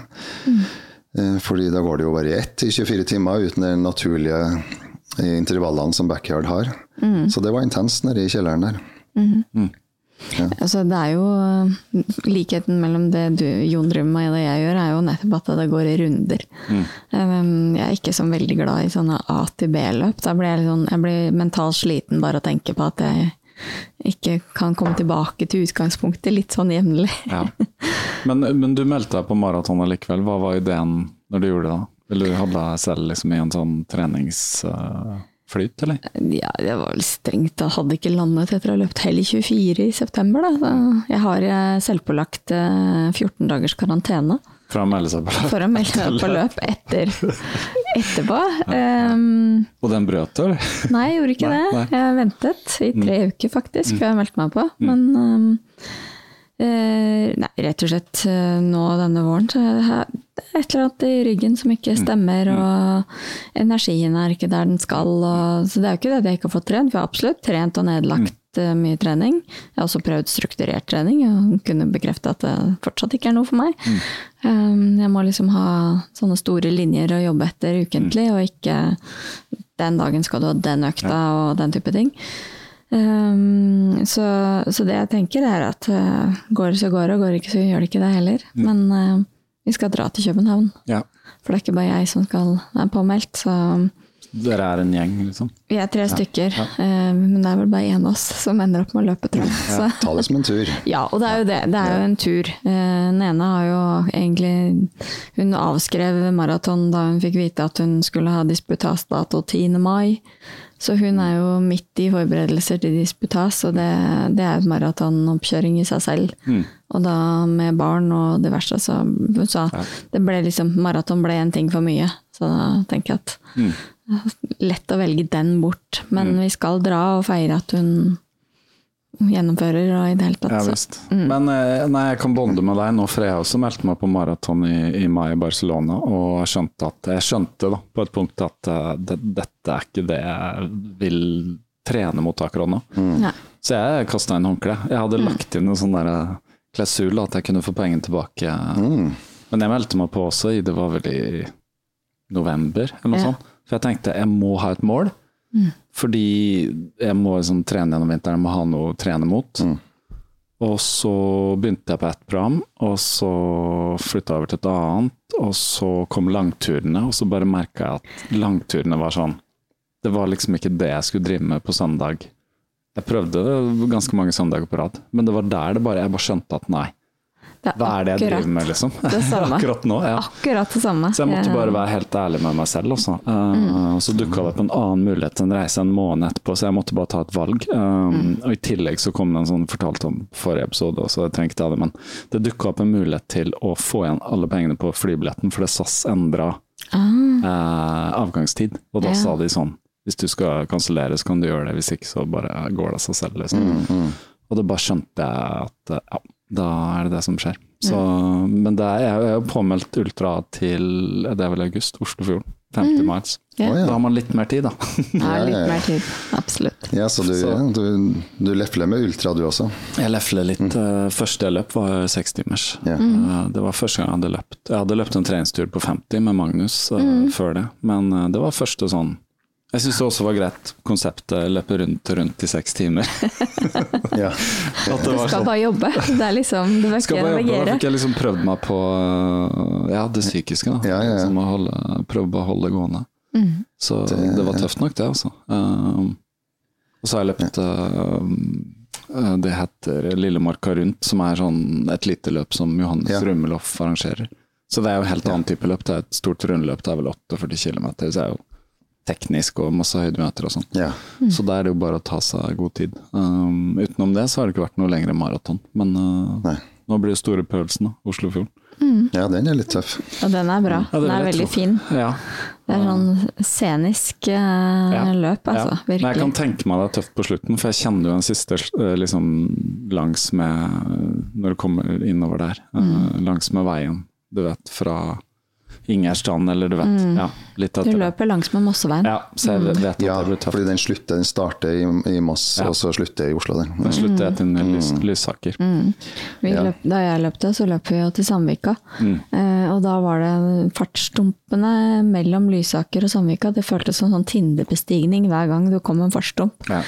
Det var sånn, Vi går i alle oppoverbakker, også fartsdumpene. Stumpene. Ja, Det det snubler i fartssumpen. Ja. Det er kult å melde seg på løp, men det er jo, det er jo dumt hvis man får sånn prestasjonsangst av det. Ja, hvis man stiller så strenge krav til seg sjøl. Ja, det var ikke prestasjonsangsten jo- prestasjonsangsten for min del, men det, var jo, det er jo selvfølgelig sånn alle som har liksom løpt maraton og fått en tid man er er fornøyd med, og så, ja, og så er det neste du skal løpe, så må du liksom overgå den, da. Ja. Så jeg var sånn, jeg prøvde å motivere meg.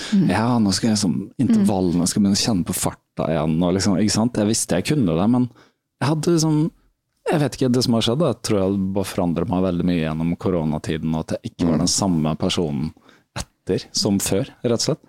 Så jeg måtte bare Ja, er det dette jeg virkelig vil? Nei, egentlig ikke. Liksom, gjør jeg det for meg, eller for lytterne, eller for liksom tiden, eller for å ha et prosjekt, eller hvorfor, da?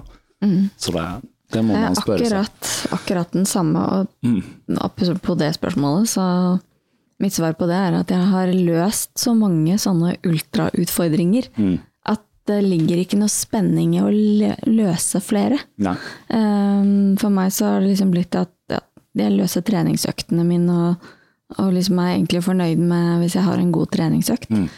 Så sies det jo at man skal ikke være best på trening, men akkurat nå så er det det som er gøy. Mm. Eh, Så da har jeg valgt å falle til ro på det. Ja. Fordi jeg har løpt 8 km, jeg har løpt 24 timers løp. Jeg har liksom hatt flere også sånne treningsrunder, sånn som Jon har hatt, hvor hun har løpt liksom, har dedikert døgn til å skulle løpe 100 km eller sånne ting. Og da, det er klart at det, da har du løst så mye, sånn at det, nysgjerrigheten er ikke der. Du sitter liksom plutselig igjen med at åh, skal jeg gjøre alt dette om igjen? Liksom, du vet så godt hva som kommer, og hvis man da ikke har mentalt overskudd til å gjøre det, så er det helt uinteressant. Nei, man, man, må være litt besatt av sånn som jeg ser han uh, Hva heter han, Christian Ulriksen, som er ganske kjent uh, ja. gjennom ikke sant? Jeg så han hadde sånn 2,20 under det. Mm. Så han er sånn, han har sånn besettelse. Mm. ikke sant? Så jeg skjønner motivasjonen her, skal under det, og så går det ikke. Nei, det er bare på, på det igjen, liksom. Ja, ja. det utrolig slitsomt ut. Men noen har den, da. Mm. Uh, men for meg var det ikke Det er ikke lenger en tid som er viktig for meg. Jeg har også Nei. gjort sånn 10 km og testet hvor fort kan man mm. løpe og sånn. Mm. Men jeg må innrømme nå at jeg så på sentrumsløpet på lørdag. Uh, gikk og titta, liksom, gikk bort der og så så jeg festningen Eliten og sånn. Ja. Da var det jo veldig gøy, da. Etter hvert når liksom, den gjengen kom, den store, liksom, de som ja, ja. løper 40 pluss minus og sånn. Ja. Så jeg heia jo masse, det så jo veldig gøy ut å løpe. Det var liksom deilig å stå der og så bare liksom ikke måtte slite. Men det så veldig gøy ut å være den der veldig fokuserte, mm. liksom, ikke sant, så holde farta og sånn. Men mm. uh, ja. Ja, det er jo gøy. Mm. Eh, ja, men man må liksom holde på det som er gøy med løp, da, at man får energi av liksom all folket og folkefesten. Og, mm. og, ikke liksom henge seg så mye opp i den tida, selv om jeg vet så, Ultra backyard handler ikke så mye om sånn tid, sånn sett, da, men eh, jeg også har jo sprunget halvmaraton og så tenkt hm, hvorfor løper jeg egentlig fem minutter tregere? Så man blir jo litt sånn mm. obsess med den tida likevel. Mm. Mm. Det er så veldig målbart, ikke sant. Ja, det er akkurat det. Ja. Nei, men uh, ja, er det, er det, noe annet vi Vi hadde en litt sånn eventuelt Er det noe dere hadde lyst til å trekke fram? jeg kan jo fortelle, jeg skal, bare, jeg skal, reise til Tyskland om tre uker, ja. på backyard. Ja. Kan jeg bare si den? Ja, ja fortell. fortell. Absolutt. Ja, om tre uker så reiser jeg til Eh, til en sånn super-backyard i Tyskland. Mm -hmm. som er arrangert av eh, måte, den, den, tyske, europeiske versjonen av Lazarus Lake. Mm -hmm. Alex Holl, -hmm. som også er en sånn skjeggete ultragubbe. Så det er altså et løp for de som var kvalifisert til Bigs Backyard mm -hmm. eh, nå i, eh, i, oktober. Som vi, ingen fikk jo reist til USA pga. innreiserestriksjoner. Fortsatt, ja, ikke sant? Eh, ja, nå er det jo åpent, men ja, ja. det var rett før det åpna, så vi, vi, prøvde å komme oss dit. men Ingen kom seg dit. Hva heter det i Tyskland? Eh, det heter Champions Backyard. Mm -hmm. heter vel. Hvor i Tyskland er det? Eh, det er utafor Frankfurt. Ja. Så det er en sånn sånn liksom, man blir, man blitt invitert til. Altså, jeg føler meg som en skikkelig underdog blant alle de her eh, ekstreme langdistanseløperne. Mm. Og mange andre backyardere, men også folk som har drevet med andre ting. Eh, så det er nå den 14. mai. Så så nå har han lansert det som en sånn verdensrekordløp, da, hvor man skal breaking 100. Altså man skal bryte 100 timer. Good. Ja, så det er jo sånn galskap på høyt nivå, men uh, Hvem er det som kommer dit da, som kan gjøre det? Uh, det, er, mm, det er mange altså det, det, er ikke sånn navn som er sånn veldig kjent, da, men det er flere belgiere som har satt rekord før. Belgia har et veldig sånn sterkt ultraløpermiljø. Mm. og veldig mye folk fra egentlig, ikke så mye amerikanere, da, men fra Europa og hele verden. altså Mer asiatere sånn også, som mm. kommer. Mm. Folk som har sprunget sånn 5000 km og okay. sånn ekstreme langløp. Så, hvor, hvor, mange er det som stiller? Der er det vel bare 25 stykker. 25 stykker? Ja. Og du er en av de? Jeg er en av dem. Yes. Det er basert på den, eh, det er og han Luca, ja. en norsk-italiener, kan ja, du si. da. Fra eh, Ekeberg, ikke Ekeberg, men Østmarka backyard i fjor. Da løp vi så langt at vi kvalifiserte oss til Biggs, begge to. Så, så, da reiser vi inn det. Så hvordan har du trent nå fram mot det, da? Eller hvordan har du liksom lagt det opp? Ja, da hadde jeg bl.a. en sånn egen backyard forrige helg mm -hmm. på Ekeberg. Mm. Mutters alene midt i påska. du testa deg litt? Ja. Ja, det handler bare om å teste. altså Løpinga er én ting, vi snakka om det i vår podkast, men det å teste ernæring og, og, bare det å ta en pause og prøve å sove litt. Mm -hmm. Og ikke minst å liksom fryse, rett og slett fryse. Altså selv om i mai det er kanskje varmt, men på natta så begynner du å fryse uansett. Ja. Så det å da pakke seg inn og ta en pause, sove litt. Mm. Og så når klokka ringer, du skal opp og ta en ny runde. Mm. Bare det å liksom stå der og hutre og ja, ja. Får, får, du til en, en napp, liksom? På en sånn kort Jeg har øvd meg på det. Ja. Å ta en sånn tre-fire, kanskje fem minutter napp. Det er kanskje ikke noe problem, for du er såpass sliten og trøtt at liksom ja, når det blir mørkt det første døgnet og man begynner å bli trøtt, mm. så, så, kan man prøve å sove. Det er dumt å begynne å prøve å sove hvis du ikke er trøtt, ja. men når du kjenner at du er trøtt, ja, ja. da kan du legge deg ned og prøve. Det kommer gjerne utover morgenkvisten ikke sant. Nei, på Eller morgenen så må man ha Eller energi og sånn sola. tre-fire om morgenen. Hvis man prøver døgnet, da, så ofte da man blir veldig trøtt. Ja, det er det. Ja, ja, rett før Men man kan prøve å starte litt tidligere. Ja, ikke sant. Så hva, hva, hvordan tror du det kommer til å gå av for din del? Nei, jeg, må, jeg må gå all in og bare holde, holde på så lenge jeg kan. Ja. Altså, rekorden min er 48 timer fra før, så jeg må bare prøve å breake den og altså, se hvor lenge.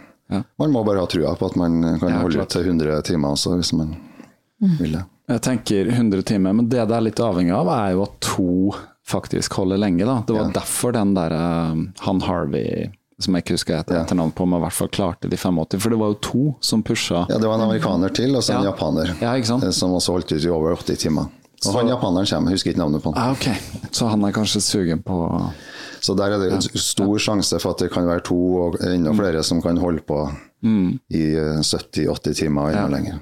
Men hvis det er sånn at liksom én egentlig har en vanvittig bra dag, kunne kanskje løpt 100, men det er en annen eller Alle de andre faller fra, da. Ja, så kommer han til 75, så får han ikke prøvd. Får ikke noe mer. Får ikke lov til å fortsette noe Så det er helt avhengig av flere enn Ja, det det. deg, eh, for å si det sånn. Da. Ja, det er det. Ja. ja, det er ganske interessant. Det er gøy. Skjønner jo at det her liksom catch, catcher folk, og at de har lyst til å prøve seg på det. Ja, det er en annen type løpere ikke Ja, ja. sant? Som, som kan være mer utholdende og ikke så mye Mm. Ja, farts-speed-folk. ja, ja. ja, men så gøy. Ja. Hadde du noe morsomt på, på blokka di? Du, er jo, du stiller jo forberedt med notater. Ja. Gjør Du skrev leksene mer mine. enn meg, faktisk. Såpass, ja. Nei, jeg har egentlig ikke sånn eh, veldig mye å tillegge. Nei. Ikke sånn eh, Hvordan, er, hvordan har det vært å sitte her og ha samtaler med alle mulige forskjellige?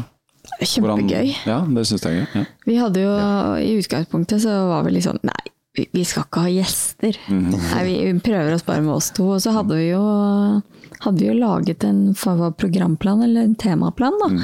Litt sånn bare liksom hva er det kunne vært gøy å snakke om, hva har det- hva vi lyst til å snakke om sånn innledningsvis. innledningsvis? Uh, og vi hadde, jo- begynte jo liksom i november, og i januar så har vi alltid en sånn januar-challenge. Klassisk startåret på, med ny giv. Så vi visste jo at eh, det kom, og da ville, var det liksom allerede Hadde jeg laget en del sånne temaer som jeg brukte under koronaen, mest fordi at vi gjorde jo ikke noe annet enn å løpe. Eh, så for å gjøre liksom disse ukene i januar, få folk igjennom, så hadde jeg liksom sånn mandager, onsdager, lørdager, så kom det en eller annen input i gruppa. Og så brukte vi det også, noe av de temaene som jeg hadde brukt, har vi også laget i podkaster. Mm. og repostet og liksom brukte de under denne måneden. Så det gikk ganske av seg selv. Og så begynte vi, så jo, skulle Therese Falk egentlig løpe i Barcelona. Så da hadde vi henne inne, og så hadde vi Tim Bennett, leder av President i Kondis, inne. Og så ballet det liksom litt på seg. Ja. uh, og så var det liksom litt sånn, ja, hvem kjenner vi, hvem spør vi, hva har vi lyst til? For det er det som er egentlig gøy. Altså, det, er bra, det er bra dere er to, for da har jeg alltid muligheten til å gjøre noe. Men jeg ser jo podkaster som ofte blir interessante, at det kommer nye mennesker inn. Da. Mm. Uh, At det blir en annen dynamikk. Det kjenner jeg jo godt i konseptet her, liksom. Ja. Så, men det er jo det å være litt sånn avhengig av andre, da. Um, Så ja. Både det, og, både det, men også det at vi har jo Inni i gruppa så ser man jo liksom når Folk poster jo ganske mye fra sine løpeturer, og folk er veldig forskjellige og gjør forskjellige ting og trives på forskjellige underlag og på forskjellige tider av døgnet. Eh, og det gjør jo at man kan jo egentlig bare plukke lavthengende frukt og ta det som ligger nærmest. Ja.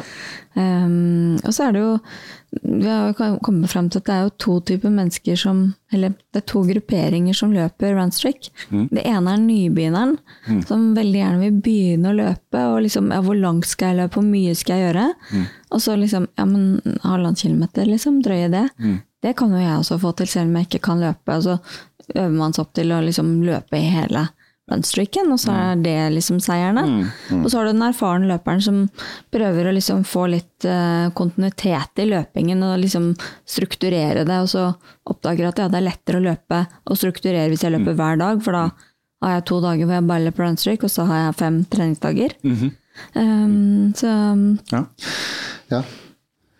Og Det er litt viktig å innsjekke at det er jo for Vi mener jo at runstreak er for alle. da. Mm. Det er Ja, ikke det er noe sånn ekstremprosjekt, egentlig. Selv om en del av det vi snakka om nå, er jo litt sånn ekstreme ting. Vi måtte jo innom det. 100 timers backyard, 24 ja. timers i kjelleren der. Men uh, heldigvis, da, sånn som Kristine forrige gang, var helt vanlige folk skulle til å si, som ikke er sånn supermosjonister eller ultra i hele tatt, men bare den der kontinuiteten, den der lille aktiviteten hver dag. Det er det jeg tenker på også. Hvis du bare sånn skreller vekk alt det der som vi snakka om, da, som er litt sånn ville ting, Ja. så er det jo en veldig bra måte for noen å begynne å løpe på, som du sier. Det er jo, det er jo et at det- folkehelseprosjekt. Ja, det er, det, er, det er en høy terskel for å begynne å løpe, fordi det er sånn litt sånn alle, Det blir sikkert Ja, dere da spurt skal om. du ha maratontid Ja, hvorfor, liksom, folk spør meg om jeg løper, og så sier liksom at jeg løper mange dager i uka. Løp sånn og sånn. Mm. Så det, liksom, det virker så ekstremt så umiddelbart, mm. men ingen altså, må tenke på at alle begynte et sted.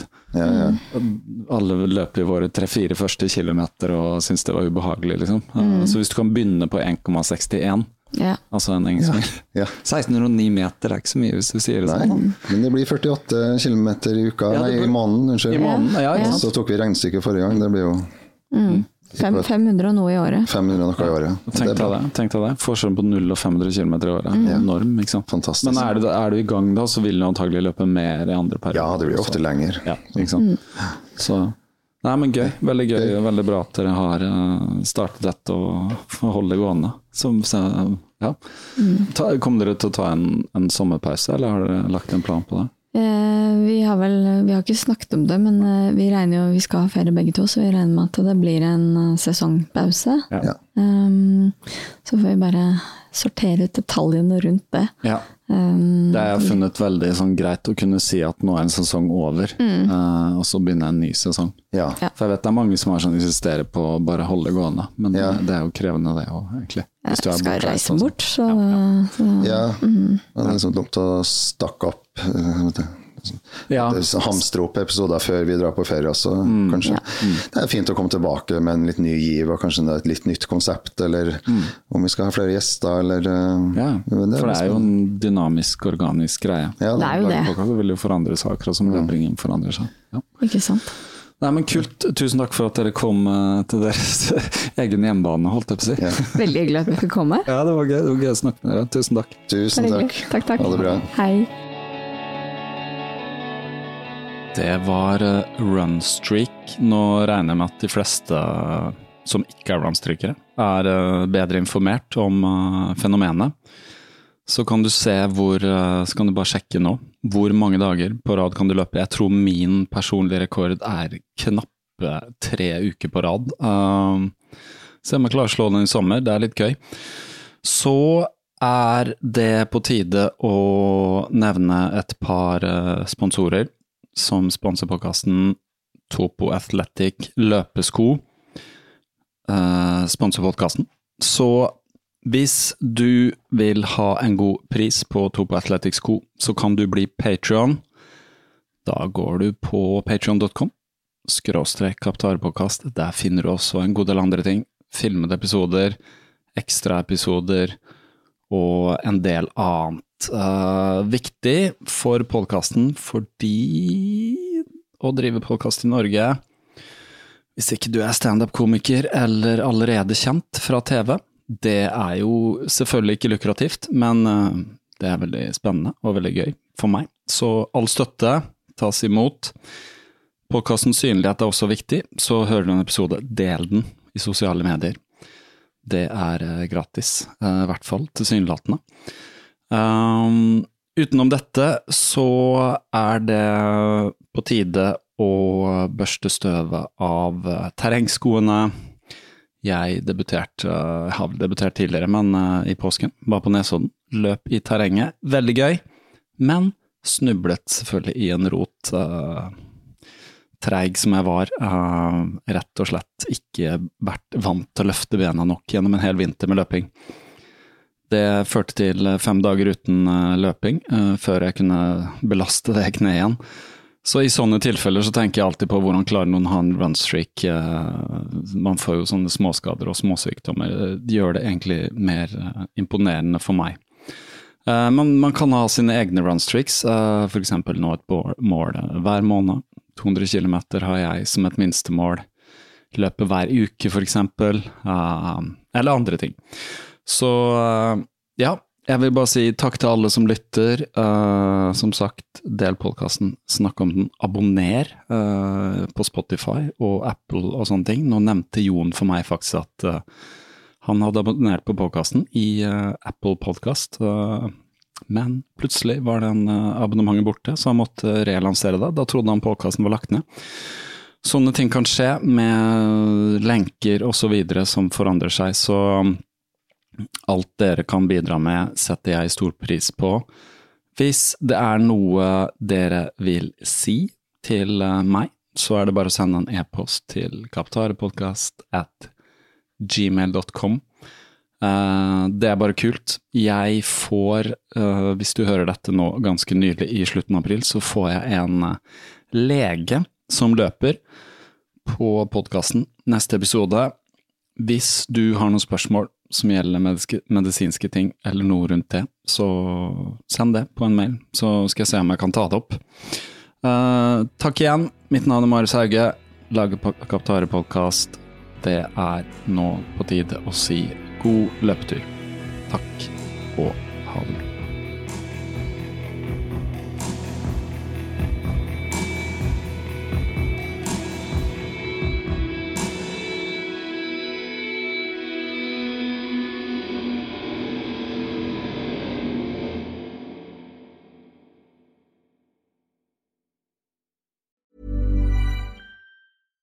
Hey, it's Paige DeSorbo from Giggly Squad. High quality fashion without the price tag. Say hello to Quince. I'm snagging high-end essentials like cozy cashmere sweaters, sleek leather jackets, fine jewelry, and so much more. With Quince being 50 to 80% less than similar brands. And they partner with factories that prioritize safe, ethical, and responsible manufacturing. I love that. Luxury quality within reach. Go to quince.com slash style to get free shipping and 365 day returns on your next order. Quince.com slash style. Even when we're on a budget, we still deserve nice things. Quince is a place to scoop up stunning high end goods for 50 to 80% less than similar brands. They have buttery soft cashmere sweaters starting at $50, luxurious Italian leather bags, and so much more. Plus, Quince only works with factories that use safe, ethical, and responsible manufacturing. Get the high-end goods you'll love without the high price tag with Quince. Go to quince.com/style for free shipping and 365-day returns. Imagine the softest sheets you've ever felt. Now imagine them getting even softer over time. That's what you'll feel with Bowl and Branch's organic cotton sheets. In a recent customer survey, 96% replied that Bowl and Branch sheets get softer with every wash. Start getting your best night's sleep in these sheets that get softer and softer for years to come. Try their sheets with a 30-night guarantee. Plus, get 15% off your first order at bowlandbranch.com. Code BUTTERY. Exclusions apply. See site for details.